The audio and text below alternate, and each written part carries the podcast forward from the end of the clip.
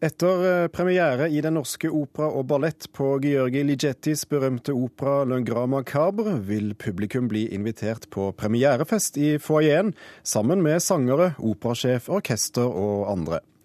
Oppsetningen skjer i samarbeid med Ultimafestivalen, den største samtidsmusikkfestivalen i Norden, som eh, åpnet i går. Ja. Ja. En, to, tre. Ja. Du, vill og krevende er den rollen, har jeg hørt? Ja, dette er uh, the real thing, altså. Ja, Hva mener du når du sier the real thing? Nei, altså, den, har, den har veldig mye ekspressivitet i seg. Han, er, han tror jo han er døden på tokt. Kulturnytts utsendte på dagens generalprøve har grepet tak i hovedrolleinnehaver Kjetil Haugås, hvis imponerende bass vi nettopp hørte. Han spiller rollen som den skrekkinngytende døden-figuren Nekrosar, med fynn og klem. Er det en stor rolle? Ja, det er en veldig stor rolle. og den er veldig, Det er en av de største, om ikke den største når det gjelder eh, altså fysisk eh, veldig krevende. Og eh, ekspressiv, som jeg sa innledningsvis, og har altså alt det der. Den er aggressiv, ekspressiv, også følelsesmessig. Er det morsomt? Veldig morsomt. Og man må være på plass i hodet sitt. altså Konsentrasjon.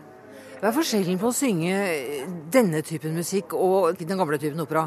Den setter litt andre vokale krav. Eh, når man snakker om de gamle mestere, så snakker man mye om bel canto, altså vakker stemme. det kan man diskutere, men dette her er jo en litt annen sangstil. Den er mer direkte på, det er mer power. og eh, altså, Vi synger ikke med mikrofon, så vi må jo levere. Og tar, Da må man bruke hele sin kropp altså, for å levere. Le Grand Macabre er i dag det mest spilte verket i operalitteraturen. Litt av en helomvending fra urpremieren i 1978, får en si. Et katalansk regikollektiv ved navn La Fora dels Baus skapte denne produksjonen av Ligetis Grand Macabre i 2009, der en enorm naken kvinnefigur fyller scenen og er konstruert som et digert rom der f.eks. kjønn og brystvorter er dører inn og ut, NB, dette er i pappmasjé. Rumpa kan skrelles av, og øynene er lyssatt så de gråter blod, tenker jeg fascinert. Er det moder jord vi ser ligge lidende på scenen? spør jeg operasjef Per Boje Hansen. Nei, det er jeg ikke så sikker på. Altså, det er jo selvfølgelig en mor, eller en, en kvinne.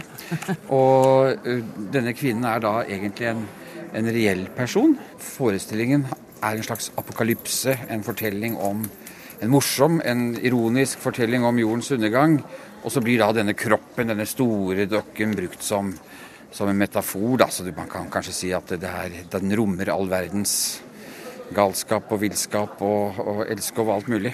Jeg opplevde dette her nesten som eh, vår angst for miljøet i dag. Ja, det er sikkert et aspekt. Altså, det er helt opplagt et stykke som tar utgangspunkt i frykt for døden. Og, og i denne oppsetningen så er det jo også da kanskje eh, nokså tydelig at eh, vi selv er i ferd med å ødelegge både oss selv og den jorden vi lever i, eller på. Hva var det som fikk deg til å ville sette opp dette stykket nå? Først og fremst det at operahistorien er så full av fantastiske verk.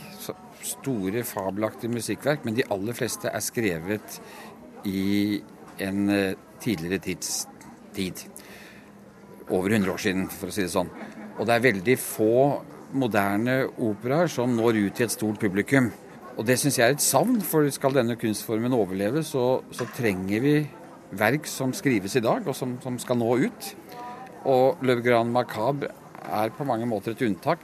Den, den operaen som er skrevet de siste 25 år av forrige århundre, som har nådd ut til et størst publikum, den har fått oppsetninger over hele verden. Og den har vært aldri framført i Norge, og da syns jeg det var på tide. Så det var rett og slett en nødvendighet å få sett denne operaen her nå. Hvordan har det vært for deg å jobbe med denne oppsetningen?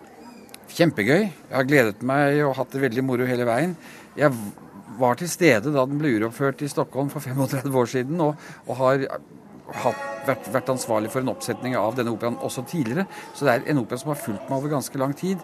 Og det å få den, få den realisert her på operaen, da, det, og med våre sanger og med vårt orkester, det, det er fantastisk å være vitne til. NRKs musikkritiker Øystein Sandvik skal overvære forestillingen i helgen, og anmelder den for Kulturnytts lyttere mandag ettermiddag. Hvilke forventninger stiller han med når han skal se Le Grand Macabre, tro? Det jeg forventer, er jo selvfølgelig å se et av kanskje det, kanskje det viktigste operaverk eh, etter andre verdenskrig. Eh, I en regi ved dette katalanske regikollektivet som eh, allerede er kritikerrost. Den har vært mange steder allerede. Spilt ved flere større operametropoler i Europa, og er så vidt jeg vet også ute på DVD i disse dager. Så det blir spennende å se den. Det er på tide at den kommer hit til Norge. Og så blir det morsomt å se en uh, opera som da foregår i et sånt postapokalyptisk landskap, og som kanskje skildrer noen uh, ting ved vår uh, tid som får oss til å tenke på oss selv og våre liv på en ny måte.